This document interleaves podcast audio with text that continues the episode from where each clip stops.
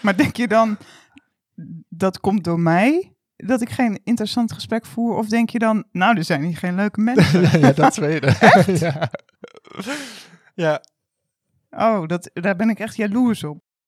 Welkom bij Janneke en Jonathan, de podcast die chocola probeert te maken van het leven. Na het gesprek met Nadia Boeras praten Janneke en Jonathan in deze episode verder over gemeenschap. Zij ontdekken wanneer zij zich echt individu voelen en wanneer ze er vooral bij willen horen. Want hoe individualistisch deze tijd ook mag heten, blijven we niet gewoon groepsdieren? In Janneke en Jonathan willen er ook bij horen, filosoferen zij over nieuwe vormen van gemeenschap. Het verlangen naar community lijkt te groeien. Maar weten we eigenlijk nog wel hoe dat moet? Een gemeenschap zijn.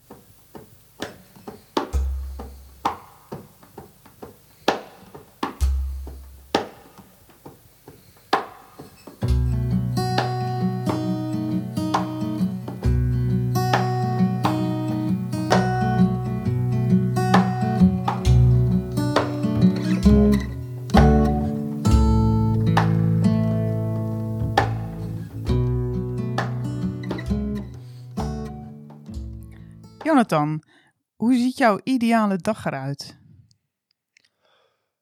Oeh. Ja, veel verschillende ideale dagen waarschijnlijk. Ehm, Noem er eens één. noem er eens één. Ik ga dan toch terug naar het Noorderplantsoen in Groningen. Mijn onbezorgde studententijd. Hmm. Dat, daar vindt misschien mijn ideale dag dan wel plaats op dit moment. Ehm, sowieso zijn Femke, mijn geliefde, en Solvij, mijn eh, kleine geliefde, mijn kindje, zijn daarbij. Ehm, misschien zijn we lekker aan het picknicken en aan het wandelen. Er hoeft sowieso niks.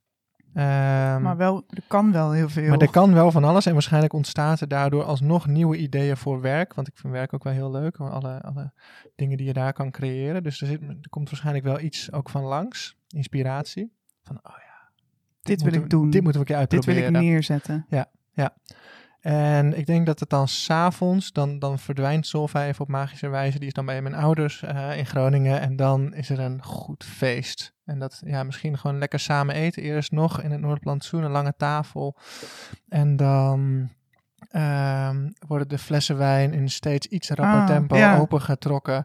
En dan, eh, ja, echt zo'n zomerse nacht. En dat mag ook tot diep in de nacht doorgaan met vrienden en alle mensen waar ik van hou. Ah, ik hoor veel het woord samen en andere mensen. Heb jij die nodig om gelukkig te zijn? Ja, daar lijkt het dan wel op, hè? Hmm. Ja, ja. en dat is eigenlijk wel opmerkelijk als ik bedenk ehm, dat ik in mijn gewone dagelijkse leven wel heel veel met mezelf en soort van mijn eigen leefwereldje bezig ben. Dus ik ben heel vaak, ja, merk ik dat ik toch wel een beetje in mijn eigen bubbel zit. Ehm, ook als ik het even in, in, in contrast met, met Femke, mijn vrouw, ehm, die is over het algemeen nog meer gericht op verbinding. Ehm, en ik ben dat dan misschien wat minder. Dus ik neig ook wel erg naar mijn, nou ja, naar mijn bubbel. Ook omdat dat fijn is. Ja, Of is het ook veilig en is het juist fijn als, als anderen je daaruit trekken? ja, dat is denk ik ook wel zo. En Ik merk ook als ik te veel met andere mensen ben, dat ik dan wel weer erg de neiging naar mijn bubbel krijg. Ehm, maar daar wordt het uiteindelijk toch ook eenzaam. Dus waarschijnlijk komt het erop neer dat ik beide eh, nodig heb. Dus de dag na de ideale dag zit jij in, je eentje. Precies. Ja. Lekker na te genieten, een boekje lezen in de zon. Ehm, ehm, met die, die leefwereld. Ja, waarom, waarom is dat zo? Dat ik. Het is waarschijnlijk omdat je niet met je. eh, je kan niet om jezelf heen. Dus ik bedoel, andere mensen kun je vermijden. Eh, eh, je kan gezelschap vermijden, maar je kan niet om jezelf heen. Je eigen beleving van de dingen is, is altijd daar. Je zit ook met jezelf opgescheept in die zin. Ja, zeker weten. Ja. En daar komt waarschijnlijk ook een, uiteindelijk een ervaring van individualiteit. Begint daar van, ja, ik ben ik en ik heb het hiermee te doen. Eh, hier moet ik het in ieder geval mee doen. Ehm, en die ik is ook anders dan andere mensen. Dus mijn, hè, als je daar een beetje over, daar kom je steeds meer achter naarmate je ouder wordt. Van ja, mijn belevingswereld ziet er wel degelijk anders uit dan die van mijn ouders bijvoorbeeld. Waar- Ehm, ja, wanneer ontdekte jij dat voor het eerst? Mm, Ik denk dat het in de puberteit in ieder geval heel sterk. Van mijn vroegere kindertijd heb ik wat minder herinneringen. Uh, in de puberteit begon dat bij mij heel sterk. Dat dat... Uh, ja, ouders zijn dan natuurlijk sowieso raar en stom. Um, maar ik, ja, ik moest daar wel ook een beetje vandaan. Van hoe, hoe zij deden, hoe zij mm -hmm. waren, waar ze in geloofden. Uh, um, dus daar heb ik me wel echt flink tegen afgezet. En, en daardoor word je ook meer jezelf. Dus je bent natuurlijk ook jezelf in relatie tot de anderen. Ja, en jouw ouders waren als het ware jouw, jouw eerste ander tegen wie jij je, uh, je eigenheid ontdekte. Ja, dat denk ik wel, ja. ja. Dus achteraf ben ik ze daar ook heel dankbaar voor. dat zij zo anders en zo vervelend waren. Ja, dat was uh, hele vruchtbare grond voor Precies, jou. Ja. Je, heb jij dat ook? Was jij nou, dat, afzetterig? Um, ja, volgens mijn ouders had ik een hele heftige peuterpuberteit. Oh ja. Maar daar kan ik mezelf dan weer weinig van herinneren. En, en wat ik me wel herinner is dat niet zozeer mijn, het gezin waar ik uitkom, dat dat niet zozeer de anderen waren, maar meer de wereld daarbuiten. Ja. Dus ik herinner me bijvoorbeeld dat ik toen ik een jaar of vier, denk ik, was, ging ik met mijn uh, oudere zus naar een verjaardagsfeestje van een gemeenschappelijke vriendin. En toen stonden we daar in een kringetje en zongen we Lang zal ze leven. Classic. Ja, en ik, ik, neem aan dat wij dat thuis ook wel zongen, maar toch stond ik daar samen met mijn zus. En we vonden dat allebei raar. En we dachten, wat zijn die mensen aan het doen? en ja, dus dat soort dingen herinner ik me vaak als kind. Dus dat ik vaak mezelf een beetje een buitenstaander voelde. En dat kwam deels, uh, ik groeide op in het behoorlijk christelijke Woudenberg. Ja. En wij waren net iets minder christelijk of net een lichtere variant dan het gemiddelde. Dus in die zin waren wij anders. Ik was um, een meisje dat enorm hield van ding, andere dingen dan de andere meisjes. Dus ik, ik hield donkerblauw en groen waren mijn lievelingskleuren. Ik wilde boompje klimmen. Ik, ik dacht, ik wil een jongetje zijn. Dus ook in die zin, ik snapte nooit helemaal wat andere meisjes aan het doen waren. En ook misschien niet helemaal wat andere mensen dan van mij verwachten. Hm? Dus dat is denk ik mijn eerste ervaring van. Ja, misschien is dat nog niet zozeer eigenheid als dat het meer was een beetje buiten de boot vallen. En hoe vond je dat om buiten de boot te vallen? Vond je dat eng of wel interessant of was dat gewoon prima? Nou, ik was te jong om het interessant te vinden, dus ik vond het eerder verwarrend. Um, ik werd ook wel een klein beetje gepest soms op de basisschool de eerste jaren. Ja. Dus dat vond ik ook niet het maakte wel dat ik heel erg op mijn gemak was in mijn eentje. Dus dat in mijn eentje boom, boompje klimmen, in mijn eentje boeken lezen, dat vond ik heerlijk. Ja. En mm, dus je voelde je daar niet per se alleen in? Eenzaam, zeg maar. Nee, het was, het was prettig. Dus bij mezelf wist ik waar ik aan toe was. En bij anderen uh, was het altijd meer, was het ingewikkeld. Of dacht ik, ja, wat, uh, ja, wie moet ik zijn, hoe moet ik zijn. Ik was ook gewoon heel verlegen. Dus Ja. ik, ik vond dat altijd lastig. En ik denk ook, ja, ik denk ook wel dat daar ook wel een verlangen naar met anderen zijn is gestart. Of, of dat dat ook wel speelde, maar dat ik gewoon niet wist, niet zo goed wist hoe dat dan moest. Hoe ik dan dat contact eh, moest maken. Heb je dan ook een ervaring waarin je ehm ervoer dat je, hè, dat je helemaal bij de groep hoort? Dus je hebt een, een, een ervaring van echt individualiteit. Heb je ook ervaringen waarin dat opgelost werd? Of waarin je dacht van, hé, hey, het werkt gewoon. Ik ben echt deel van een geheel of van een clubje? Of... Dus toen ik een jaar of acht was, eh, ging ik voetballen. Ja. En werd ik dus onderdeel van mijn eh, voetbalclub. En vooral van het team waarin ik speelde. En het waren ook allemaal een beetje eigenzinnige types in dat team. Dus daar paste ik dan wel weer heel goed tussen. En dat vond ik echt heerlijk. Dus samen voetballen, samen trainen, eh, bij die club horen, samen winnen of verliezen. Ja, dat maakte heel veel indruk op me. En dat is eigenlijk altijd zo gebleven. Dus als ik me lekker voel in een groep. Ehm, en als ik dus mijn verlegenheid, die heb ik ook steeds meer leren overwinnen als dat me lukt. En ik kan mezelf als het ware mededelen en ergens onderdeel van zijn. Daar word ik heel gelukkig van. Herken jij dat? Voor mij is het, ik ben wel van nature vrij sociaal. Dus ik heb de, de, de, het ongemak met de groep ken ik denk ik minder. Dus die aansluiting. Die, heerlijk. eh, ja, ja, ik weet dus ook niet heel anders. Maar inderdaad, af en toe als je merkt hoe mensen, hoe ongemakkelijk mensen zich kunnen voelen bij. Dan, ja, dat is voor mij dus weer een bevreemdende ervaring. Omdat ik me vaak wel als een vis in het water voel in, in sociale eh, contexten. Oh, wauw. Ik kan me echt nog steeds enorm ongemakkelijk voelen in groepen. Ja? Ja. En wat, en wat, eh, en wat doe je dan? Heb je dat... eh, Nou ja, in het beste geval weet ik dat toch te overwinnen. Maar ik moet altijd. Ik heb altijd de ervaring van ik sta op een, op een hoge duikplank. Het water is misschien heel koud. Spring ik erin? ja. Eh, en wat gebeurt er dan? Dus het is nog niet helemaal vanzelfsprekend voor mij eigenlijk. Dat vind ik echt wel interessant. Dat is, dat, dat is dus echt een andere leefwereld dan de mijne. Dat is, ik heb dat nooit, denk ik, zo sterk zo ervaren. Heb je dan Ja. bijvoorbeeld ook ehm, dat je dingen gaat voorbereiden? Of dat je dat vroeger deed van ehm, openingszinnen? Nee, nee. Ik ben sowieso. Nee, daar ben ik dan weer. Dat past dan denk ik weer niet bij mijn karakter. Maar ik heb wel echt veel verjaardagen meegemaakt. waarin ik wanhopig zocht naar een openingszin. Ja. Dus had ik die misschien ook moeten voorbereiden. beter moeten voorbereiden. Ja. Aan die mogelijkheid heb ik ken ik ook nooit gedacht. Nee, nee, nee, nee, nee, nee. Ik bedoel, je ziet er nu heel veel op YouTube filmpjes eh, van ja, vaak mannen die, eh, die er dan toch eh, moeite mee hebben. Dat vind ik altijd een heel interessant fenomeen. Van die zichzelf dan ook, en het heeft ergens ook iets geforceerds, van die dan door mensen die wel heel makkelijk die aansluiting vinden, die dan tutorials gaan maken van hoe je ehm, gedijt in sociale wateren. Ja, ik weet ook niet of ik. Het hangt, het is, hangt toch ook heel erg van de situatie af. Maar Jonathan, betekent dat ook dat jij je ehm, helemaal gekend voelt in zo'n groep? Of, of bij anderen? Hoe is dat? Vaak ben ik er denk ik sowieso niet zo mee bezig.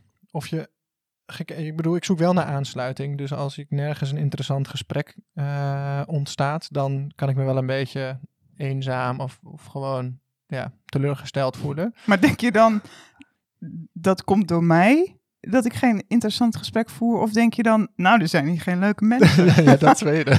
ja. ja. Oh, dat, daar ben ik echt jaloers op. ja, nee, waarschijnlijk is het gewoon een bord voor mijn kop. Maar eh, nee, dat, nee, ja, nee, stom hè? Ja, nou nee, ja, nee, ja, ik vind het niet zo stom. Nee, nee. Hmm. Ten diepste. Ik word denk ik op heel veel manieren gekend door veel verschillende eh, eh, mensen. En, en, en heb bijvoorbeeld eh, Femke, die kent mij waarschijnlijk op allerlei manieren waarop ik niet eens door heb dat zij mij kent. Ja. En soms gelukkig ook wel, dat ik denk, oh jij kent mij echt goed, beter dan ik zelf soms. Tegelijk ken ik ook wel ervaringen waarin ik me ten diepste echt ongekend voelde, ook door haar. Dat ik dacht van, hè, dat is soms ook in gewoon in, in ruzies of in crisismomenten dat je, dat ik kan me herinneren dat ik me echt dan zo alleen voel dat ik denk van ja, m- mijn belevingswereld of wat er allemaal in mij omgaat, dat, dat kan ik uiteindelijk met niemand echt helemaal delen. Je zult nooit helemaal begrijpen wie ik ben en hoe ik in elkaar zit en waarom ik eh, reageer zoals ik reageer of, of me gedraag zoals ik gedraag. Ehm, Dus dat je uniek bent, maakt je ook een beetje eenzaam. Ja, ja ik, ik denk dat we allemaal uiteindelijk uniek, of in ieder geval relatief uniek zijn. Ehm, maar ook eenzaam. Eh, ehm, iedereen kent denk ik wel de ervaring van eenzaamheid en zich een eilandje voelen. Ja, hoewel dat bij mij dan meer te maken heeft met, voor mijn gevoel, onvermogen. Om, ehm, om te zeggen waar ik mee bezig ben of hoe ik me voel. En mijn ervaring is juist ook, zodra ik dat doe, dat er dan eigenlijk altijd wel herkenning is. Maar ja, misschien niet bij de persoon die dichtst bij je staat. Dus het kan natuurlijk wel zijn dat je partner net anders in elkaar zit dan jij.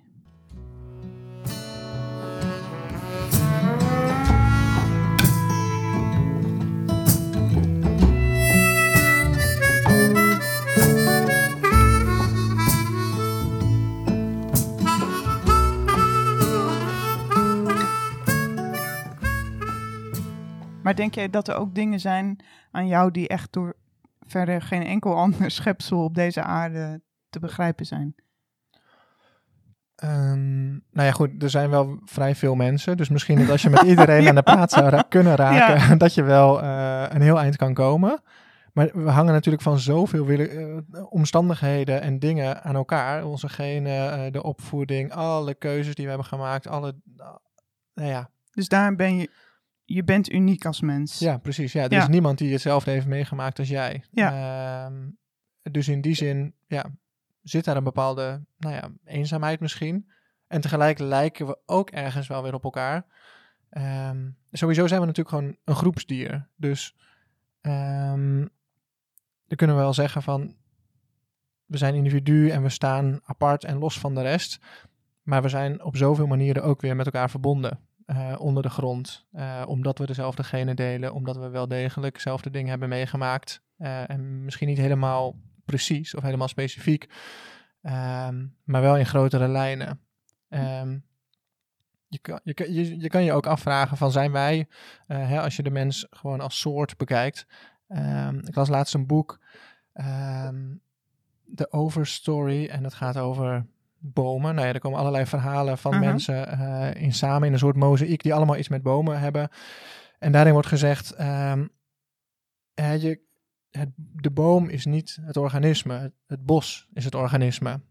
Dus je ziet een boom en je ziet een stam en je ziet een mooi los ding met een eigen blader eh, gebeuren En je daarboven. denkt, die boom bestaat op zichzelf. Ja, precies. Dat is, dat is een boom. Eh, maar eigenlijk, volgens die persoon, ehm, is, ja, ze, die wortels zijn allemaal met elkaar verweven. Ze wisselen allerlei informatie en voedingsstoffen uit. En Mhm. soms dan zie je ook vijf bomen zo heel dicht bij elkaar Ja. eh, staan. En dan, nu denk ik dus van, ja, dat zijn helemaal geen vijf bomen. Dat is één boom. Of dat is misschien een klein gezinnetje. Nou ja, wat voor... Oké, dus ik zie nu tegenover me zit Jonathan.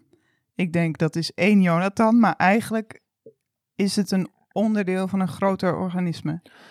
Ja, jij ziet waarschijnlijk ook de, hè, de, de, de Bartling-stam. eh, mijn gezinsleden zitten hier Ja. ook in zekere zin. In zekere zin praat je ook met Femke. eh, want zonder Femke was ik nooit geweest wie ik was. Ja, Ehm, ik hang natuurlijk van allemaal mensen, ehm, dus ook bij elkaar.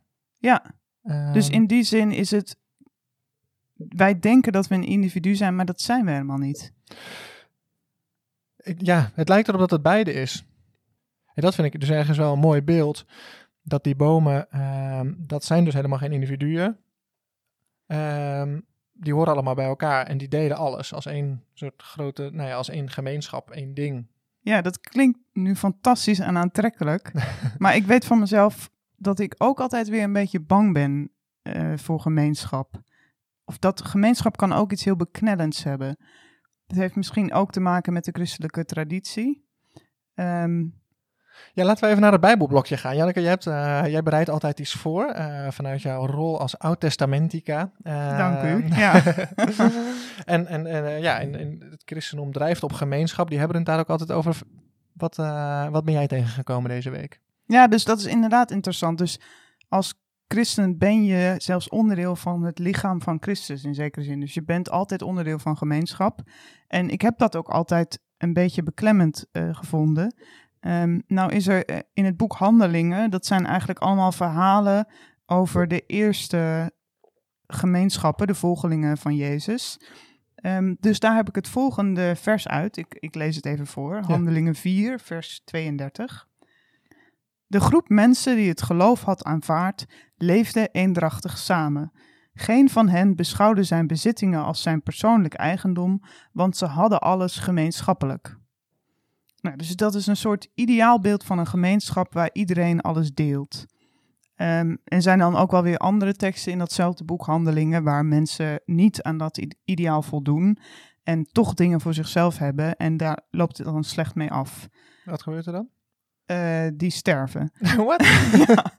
Dus, dus het is ook, het is een, je kunt zeggen, oh wat een mooi ideaal. Het is zoals die bomen, ze delen alles samen. Maar het is dus ook een dwingend ideaal. En wat ik wel eens lastig vind aan het christendom, eh, zeker ik ben zelf eh, gereformeerd eh, van oorsprong.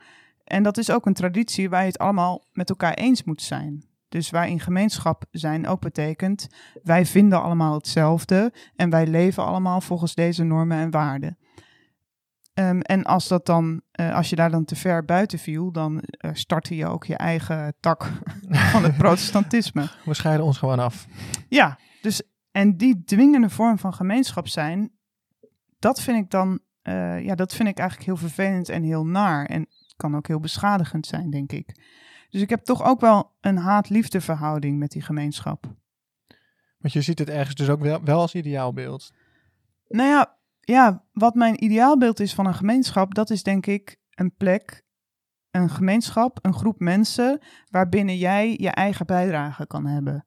Dus juist jouw eigenheid maakt jou een gewaardeerd lid van die gemeenschap. Dus het is niet, uh, ik knip allemaal stukjes van mezelf af, net zolang tot ik pas uh, binnen de gereformeerde club. Ja. Maar het is juist, uh, samen zijn wij meer onszelf. We helpen elkaar ook om onszelf te worden. Dat is ergens ook echt waar ik naar op zoek ben als het om gemeenschap gaat. Je weet, Zinnig Noord ehm, is ook voortgekomen uit de protestantse kerk. Ja. Met het idee van nou ja, op deze manier werkt het niet meer voor heel veel mensen. Uh, dus we moeten daar misschien iets mee. En wat werkt er dan niet meer?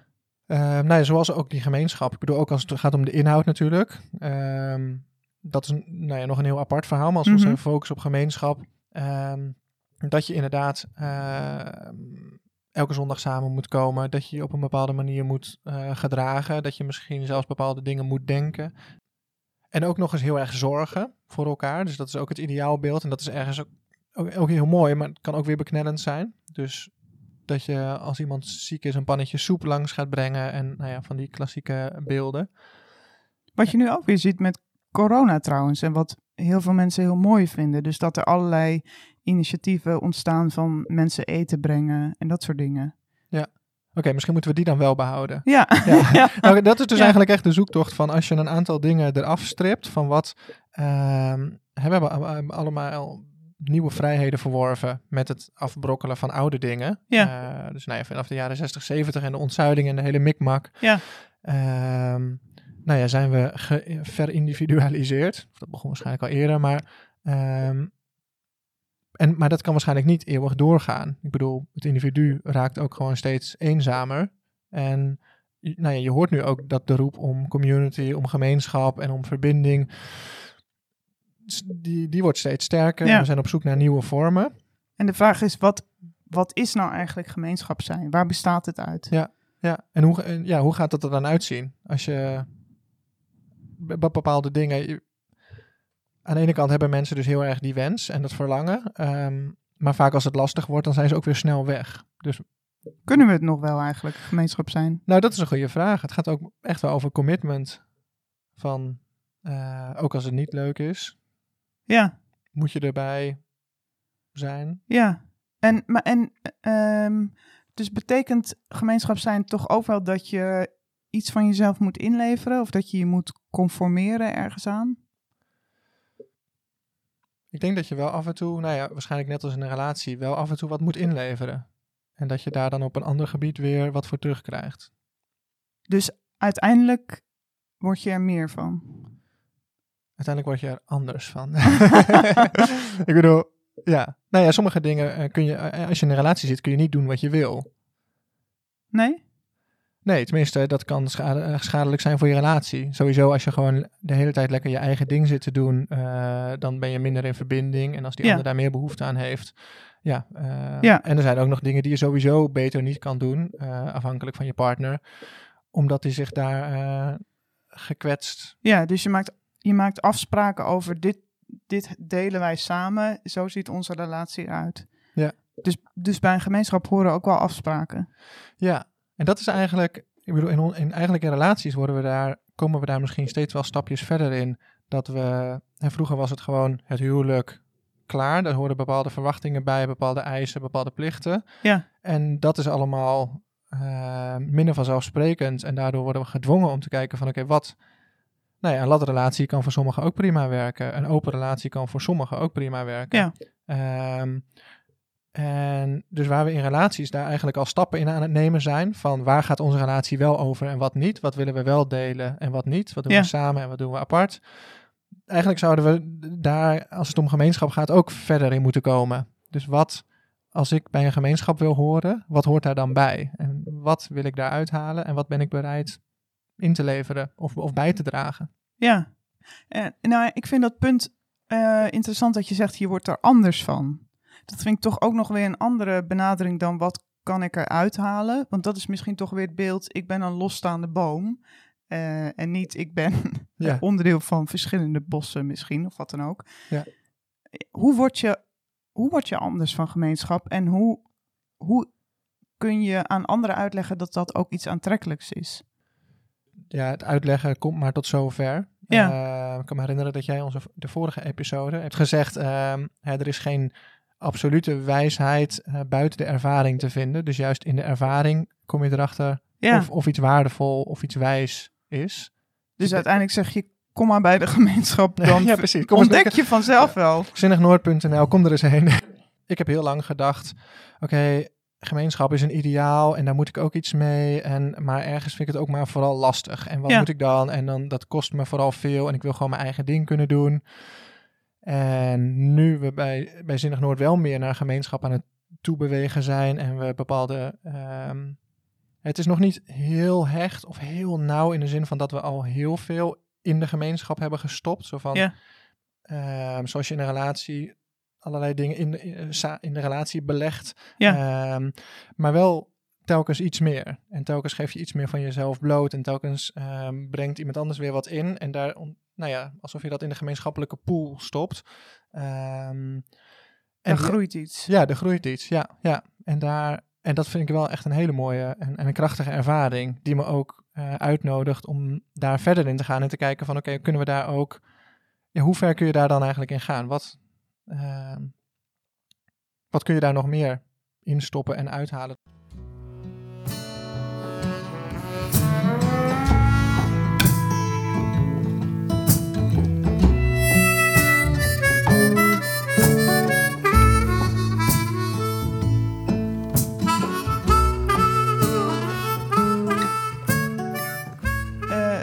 Hele goede ervaring die ik heb opgedaan met gemeenschap zijn, dat is dat ik in een woongroep woonde.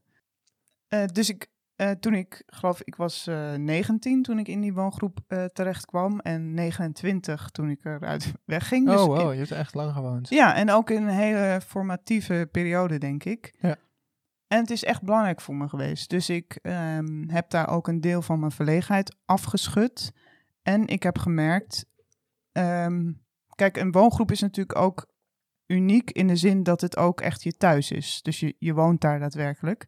En dat betekent volgens mij ook dat je niet een deel van jezelf.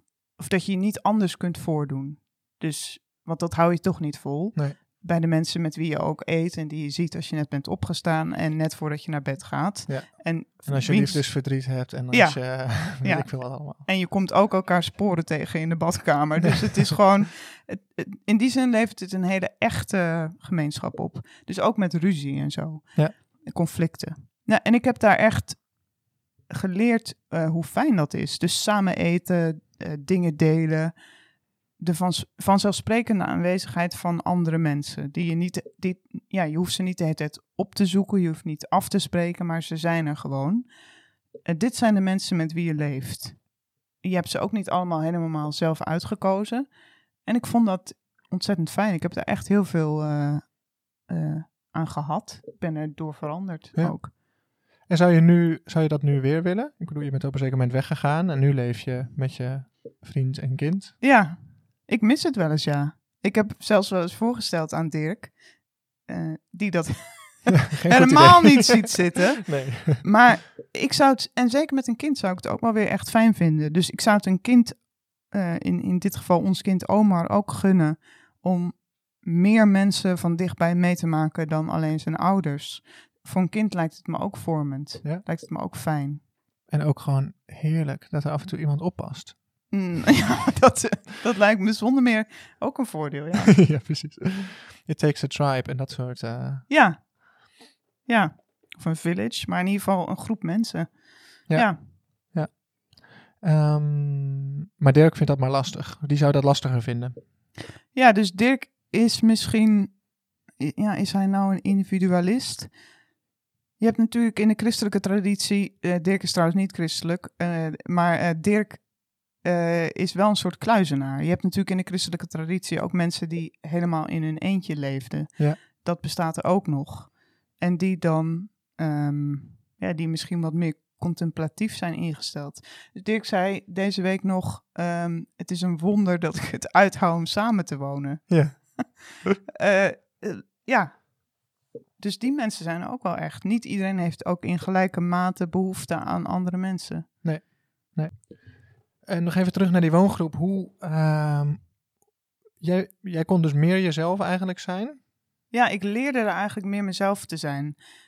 Wat ook wel, en daardoor werd ik dus ook onderdeel van een gemeenschap. Het interessante is wel, ik was dus altijd heel verlegen. Dus ik hield ook heel veel van wie ik ben voor mezelf.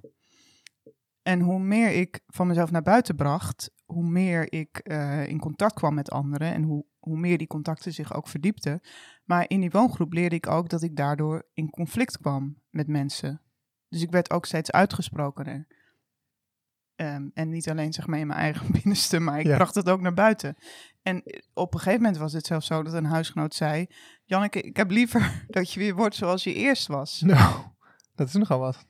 Ja, dus het is ook natuurlijk ehm, in zekere zin, het is makkelijk voor mensen als je iemand bent die zich niet zo uitspreekt, die verlegen is en die zich daardoor een beetje aan de rand van de gemeenschap ophoudt, maar ook niet lastig is. Ja, ja. En ik ben nu, ik heb denk ik ontdekt dat ik wel houd van conflict en dat ik conflict vaak ook noodzakelijk vind. Dus dat ik de gemeenschap hoe die is, vind ik vaak eh, beknellend of mensen vallen buiten de boot. Dus daar, ja, dus ik zoek ook vaak het conflict op. Ik heb daar zelfs eh, plezier in. Dat is voor mij ook echt onderdeel van gemeenschap zijn. Dus dat het niet allemaal zo smooth loopt. Ehm, en ook dus dat het niet beknellend is, maar dat je, ja, dat je jezelf kan zijn in een gemeenschap. Dus er moet juist ruimte zijn voor conflict in een goede gemeenschap. Nou ja, er moet ruimte zijn voor eigenheid. En, als, en omdat mensen verschillend zijn, eh, levert dat ook wrijving op. En ik zou het heel fijn vinden als we die wrijving niet, als we daar niet bang voor zijn, maar als we denken, oké, mooi, daar is een kans om te groeien. Daar is een kans om eh, elkaar nog meer ruimte te leren geven. Juist waar je mensen tegenkomt die echt anders zijn. Daar, ik bedoel, like-minded mensen en mensen eh, met wie je een natuurlijke klik hebt, dat is heel eh, fijn en verleidelijk om daar lekker een gemeenschapje mee te gaan stichten. Toch is mijn ervaring ook dat de mensen met wie je het soms, hè, die je gewoon echt niet begrijpt, of die met wie het wringt of botst. En als je daar dan uiteindelijk toch een gemeenschappelijk niveau vindt en toch eh dieper liggende overeenkomsten of, eh, of gewoon acceptatie van elkaar. Ook al Ja. begrijp je echt geen fuck van elkaar Ja. en, en, en is het hartstikke lastig eh, dat je elkaar daarin toch kan accepteren. Dat is wel, dat is de krachtigste uiting uiteindelijk van gemeenschap. Ja, dat denk ik ook. Ja, dus dat je het ook kan uithouden met mensen die echt anders zijn. En die je misschien ook wel irritant vindt. Ja, en- ja, de neiging is. Ik moet denken aan Erich Fromm. Die, ehm, hij zegt eigenlijk het grootste menselijke probleem is dat we ons afgescheiden voelen. Dus het gaat echt heel erg over die individualiteit. Nog even, wie is ook alweer Erich Fromm? Ja. Voor mensen die dat niet meteen paraat Te hebben. snel, weten jullie niet wie Erich Fromm is? Erich Fromm is een, ehm, een psychoanalyticus en een, een, ja, een hele interessante denker. Hij- nou ja, hij heeft over van allerlei dingen nagedacht en geschreven. Ik heb maar één klein boekje van hem gelezen. eh, dat raad ik heel erg aan. Ehm, Mooie bescheiden introductie. Precies. hij heeft er zoveel geschreven. Ehm, de kunst van het liefhebben.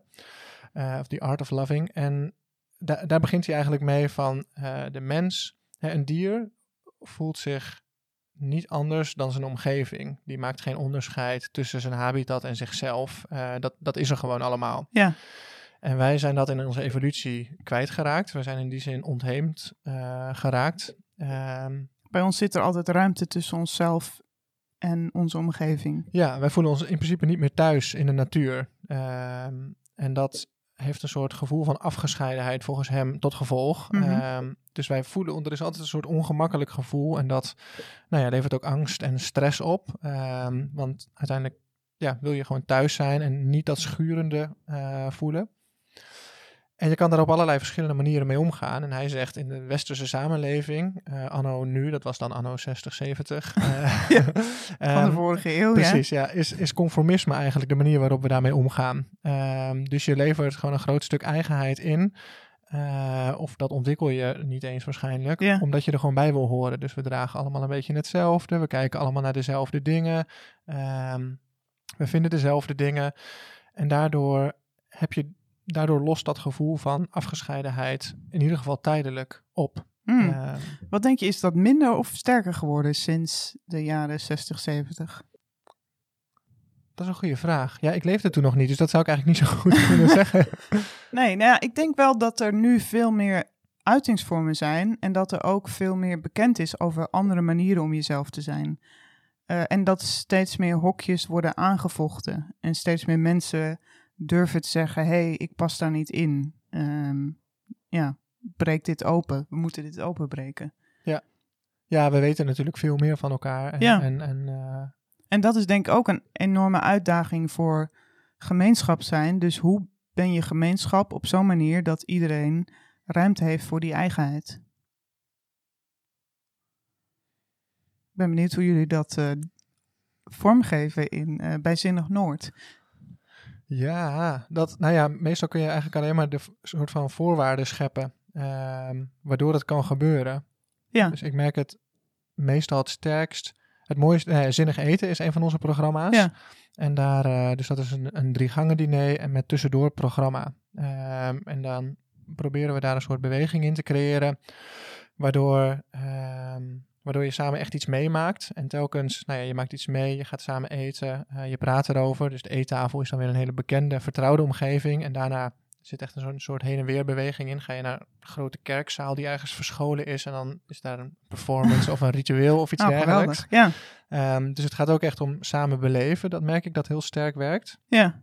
Uh, samen dingen ervaren. En uh, als het goed is, raakt dat iets in je eigen ervaring, in je eigen leefwereld. En uh, op tafel hebben we dan gespreksvragen. Um, dus dat is ook wel de ervaring dat zulke nou ja, interventies, zeg maar, um, dat die wel nodig kunnen zijn ja. om uh, in ieder geval in, in, kortere tijd meer de diepte in te komen. Ja. En als je dat doet, en op een of andere manier werkt dat heel vaak, en dat is heel bijzonder, dan ontstaat er dus een, um, een omgeving waarin het normaal is om open en kwetsbaar en eerlijk te zijn. En ja, één iemand hoeft dan vaak maar het, uh, een zetje te geven of het goede voorbeeld te geven. En dan worden daar echt de prachtigste en intiemste of kwetsbare uh, verhalen gedeeld. Soms is dat ook makkelijker met mensen die je niet kent, omdat, ja, uh, vertel dat maar eens aan je collega, dat is nog wat anders. Ja. Bij mensen die nog geen beeld van je hebben, kan je soms meer of ja, iets anders over jezelf kwijt ook. Ja, ja klopt. Ja. Wat ik ook denk uh, dat er nodig is, dat zijn mensen die het conformisme doorbreken. En die ook allerlei bestaande normen doorbreken. Dat hoort daar denk ik ook bij. Dus je geeft denk ik ook mensen de ruimte om zichzelf te zijn door je eigen eigenheid te laten zien. Ja, ja. Ja, klopt. Dat is echt, dat, ik denk dat mensen dat echt nodig hebben. Voorbeeld, figuren en gewoon, ja, en iedereen kan er op zijn eigen manier af en toe weer een voorbeeld in zijn. Door het telkens maar gewoon even te doen, jezelf even te laten zien. Um, ja, en misschien ook vooral jezelf te laten zien waar je niet voldoet aan allerlei ideaalbeelden of allerlei normen. Ja. Dus ik denk ook wel, um, in zekere zin is een individu kunnen zijn, is ook een soort luxe. Uh, dus. Um, Hoe zie je dat? Nou ja, um, het persoonlijke is natuurlijk ook altijd politiek. Dus als je, als je niet zo erg afwijkt van de norm, uh, dan kun je heel makkelijk een individu zijn. Want niemand kijkt jou aan op hoe jij je eigenheid uh, vormgeeft. Maar als je meer afwijkt van de norm, dan val je veel meer op in je eigenheid. En dan kan je ook veel harder worden afgerekend uh, daarop. Het is ook de vraag hoeveel ruimte krijg jij om als individu te worden gezien. Dus ik denk bijvoorbeeld aan de beroemde uitzending. Ik weet niet eens meer welk programma het was, misschien weet jij het. Uh, Sylvana Simons, um, die inging op de opmerking van Martin Simek. Uh, dus, en ik heb later ook gehoord hoe uh, Sylvana daarover reflecteerde. Dus dat ze zich ook bewust was. Wat, wat zei ze in die aflevering? Simek gebruikte het woord zwartjes om over zwarte mensen te praten. En Sylvana zei later dat ze dacht: oké, okay, als ik nu hier iets van zeg, ik wil hier iets van zeggen, maar zodra ik dat doe, dan ben ik niet meer uh, het individu Sylvana Simons, maar dan word ik onderdeel van, van een groep, van de groep zwarte mensen, ja. van de groep zwarte mensen die zich uitspreekt tegen racisme. En dan word ik daarom keihard uh, neergesabeld ook. Ja. En dat gebeurde natuurlijk ook. Um, dus zodra zij zich uitsprak, waarmee ze eigenlijk ook liet zien wie zij ook is, uh, daarmee werd ze ook um, ontzettend kwetsbaar. En, en in zekere zin niet meer een vrij individu, maar altijd uh, onderdeel van een grotere groep. Um, en dat is natuurlijk, dat is ook bijvoorbeeld iets wat uh, Marokkaanse Nederlanders zeggen. Dus ik heb de luxe, ik ben gewoon altijd een individu. En dat is ook bij de gratie van dat ik heel goed pas bij de grotere groep. Maar hoe meer je afwijkt van die, eh, van die norm, eh, hoe gevaarlijker het ook is om je, om je individualiteit te laten zien. En hoe minder ruimte je daar ook voor, voor hebt eigenlijk. Hm. Dus, ehm, dus dat voor mij is een gemeenschap. Ja, dus het zou zo fijn zijn als we gemeenschappen hebben waar, die, ehm, waar je juist meer jezelf kan zijn. Ja, dat is de, het is best lastig, want ergens eh, wil je een gemeenschap waarin, waarin jij of waarin iedereen eigenlijk de ruimte zou hebben om helemaal zichzelf te zijn. En tegelijkertijd, hè, zoals jouw individualiteit ehm, ook bepaald wordt door de mensen tegen wie je je afzet en op wie je wel of niet of meer of minder lijkt, heeft elke gemeenschap ook ehm, grenzen. Ik bedoel, iets typeert een gemeenschap, anders dan is er geen buitengrens en is het dan wel een gemeenschap? Ja, ik weet eigenlijk niet of dat nodig is dat er een buitengrens is. Ik kan me wel voorstellen dat je, ehm, dat je iets gezamenlijks hebt waaraan je werkt of waarmee je bezig bent of wat je belangrijk vindt. Dus stel je voor, het is een gemeenschap die samen film kijkt. Of het is een gemeenschap die zich samen probeert te verdiepen. Eh, of die samen probeert om ehm, een beter mens te worden, misschien zelfs. Zo'n zo'n hooggestemd ideaal. Dus het is een soort commitment. Oké, dit willen wij allemaal. Of wij willen allemaal een betere wereld.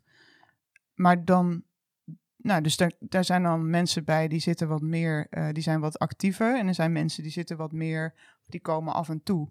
Dus dat, dat bepaalt misschien de grenzen van de gemeenschap, maar niet zozeer. ehm, jij bent anders dan wij, je hoort er niet bij. Nou ja, hooguit, ehm, als, je niet, als je niet het ideaal deelt van wij wij willen graag een gemeenschap waar iedereen erbij hoort, omdat jij zegt nee, mensen die niet hetero zijn horen er niet bij. Nou ja, dan, val, dan hoor je er niet bij. Mijn ervaring is sowieso ook dat als je inderdaad ergens samen aan werkt, dat dat heel verbindend is. En dat je dan ook allerlei verschillende eh, mensen erbij kan krijgen die ergens naartoe werken. Dus Ja. dat het, het maken samen. eh, bij onze programma's doen we dat ook. Dus er zit altijd een team van nou ja, meedenkers, meedoeners Ja. bij. En zo ontstond ook eigenlijk de eerste trekken van gemeenschap. Eh, Ja. Dus echt door naar iets toe te werken en daar nou ja, samen te dragen, verantwoordelijkheid te nemen ook. Ehm, en dus de, de, er is in die zin niet een klassieke grens. ehm, Ja, ja en misschien, ik bedoel, dit vraagt natuurlijk een zeker commitment. Dus dat je ook nog blijft komen als het een keer niet leuk was. Of als iemand iets heeft gezegd eh, wat jou pijn deed, dat je dan misschien nog een keer komt en uitlegt eh, wat je pijn heeft gedaan. En dat als mensen daar dan ook naar luisteren, eh, dat je dan weer een stapje verder komt. Dus misschien vraagt het dat soort commitment. Maar niet al van tevoren af een soort, ehm, je, moet dit, je moet dit vinden, want anders hoor je er niet bij. Maar meer, nou ja, hier werken we met z'n allen aan en we kijken wat voor gemeenschap er dan ontstaat. ja, dus misschien moeten we ehm, in die zin ook niet zo, of hoeven we niet gericht te zijn op gemeenschap aan zich. Ehm, maar kijken we waar we samen kunnen optrekken. En naarmate we dat meer doen en er meer eh, investeren, ontstaat er waarschijnlijk zelf gemeenschap. Ja, dus ik denk bijvoorbeeld ook aan, ehm, wij wonen in een appartement en onder ons, naast ons wonen ook mensen. Ja. Dus dat, zijn, dat is nou typisch zo'n gemeenschap van mensen tot, tot wie je bent veroordeeld. Je kiest je eigen buren niet. Ja. En eh, twee weken geleden was er een eh, gezamenlijke schoonmaakdag. Ja. En toen heeft Dirk daar aan meegedaan. En ik was eh, binnen bij Omar. En ik dacht, oh, dat is ook wel lekker makkelijk. Dus toen kwam Dirk weer binnen. Toen zei ik, heeft het nog zin als ik ook naar buiten ga om te helpen? Zei Ja. hij, nee, er zijn er zoveel mensen. En de volgende dag realiseerde ik me dat ik daar spijt van had. Want ik dacht, ja, dit was natuurlijk de manier om gewoon samen iets te doen. Ja. Zo leer ik mijn buren kennen. We, woon- we woonden dit nog niet zo gek lang. Dus de avond daarna zaten er wat mensen op het ehm, gemeenschappelijke terrasje. En toen ben ik er even bij gaan zitten, op veilige afstand. Nou, ja, dus toen ontstond er toch nog iets. Dus het was ook een soort herinnering aan mezelf. Oh ja, eh, Janneke, ga, doe even mee. Ja. Ook al heb je er geen zin in. Het is wel, ehm, het is wel fijn. En het was ook fijn. Dat- Ja, dat doet me dan weer toch denken aan Erich Fromm. Die zegt, hij zegt uiteindelijk de oplossing om over die, ehm, dat gevoel van afgescheidenheid, om dat te overkomen of om Ja. dat eh, daar voorbij te komen, is liefde. En daar gaat dan vervolgens dat boekje over. Ja, Ehm, en hij zegt onder andere, daar doet het me sterk aan denken. ehm, hij zegt, een van de grote misvattingen over liefde is dat het gaat over ontvangen. Dus mhm. ik wil dat mensen mij lief hebben. Ja. Eh, dat is het verlangen. Hij zegt, zo werkt liefde niet. Liefde gaat om geven. En eh, vanuit een bepaalde houding.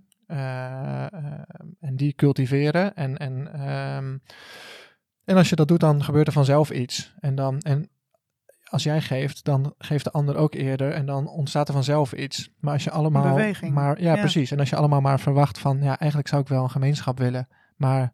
Hoe, nou ja, ja, waar hoe- begin ik? ja, precies. En wij beginnen die anderen. Ja. Dus- Wanneer nodigt iemand me eens uit voor de gemeenschap? Ja, precies. Ja. Want ik wil echt graag meedoen. Ja, ja. Ja, met de aantekening misschien dat het ook wel echt moeilijk kan zijn in deze wereld eh, waar te beginnen. En dat het ook fijn is, misschien als er een plek is waar je kan aansluiten. Hopelijk eh, zoals Zinnig Noord. Ja, nou ja, we proberen daar echt iets van, eh, Ja. van te maken. En, dat, en je ziet dat steeds meer, dat er plekken rondom allerlei, en dat vind ik dus wel weer heel interessant, Ja. ehm, dat er allerlei nieuwe, veel, het zijn, ik bedoel, je kan het als hokjes zien, eh, maar het zijn hele open hokjes. Dus mensen die rondom bepaalde thema's, of die als co-club samenkomen, of als leesclub, of als ehm, filosofieclub, of... Ja. nou ja, Maar ik denk ook niet dat dat een hokje is. Dat is gewoon bijhouden van filosofie. Ja. Ja, liefde voor filosofie eh, brengt ons samen. Ja. ja. Ik hoorde een keer iemand zeggen, dat vond ik heel mooi. eh, in Nederland ehm, houden wij onze koeien bij elkaar door er een hek omheen te zetten. Of Ja. een eh, sloot eromheen te graven. Ja. En in Australië houden ze eh, hun koeien bij elkaar door een put in het midden eh, te slaan. Ja, mooi. Leuk dat je luisterde naar Janneke en Jonathan. Met speciale dank aan Harold K. voor de muziek. In de volgende episode hebben Janneke en Jonathan een diepgaand gesprek met Nicole Schalke over zingeving in de GGZ, religieuze ervaringen, psychoses en zen-boeddhisme. Ervaringsdeskundige Nicole Schalke had meerdere psychoses en heeft een lange geschiedenis met GGZ-opnames. Haar doel is nu om ervaringskennis een geïntegreerd onderdeel van de geestelijke gezondheidszorg te maken. Wat was haar pad tot zover? Kan zij zin geven aan alles wat er gebeurde? Of is zin iets wat je alleen maar kunt vinden? Luister je weer mee? Janneke en Jonathan zijn het spoorbijster met Nicole Schalke. dit nu leven. Dit is. Dit nu leven. Dit is leven.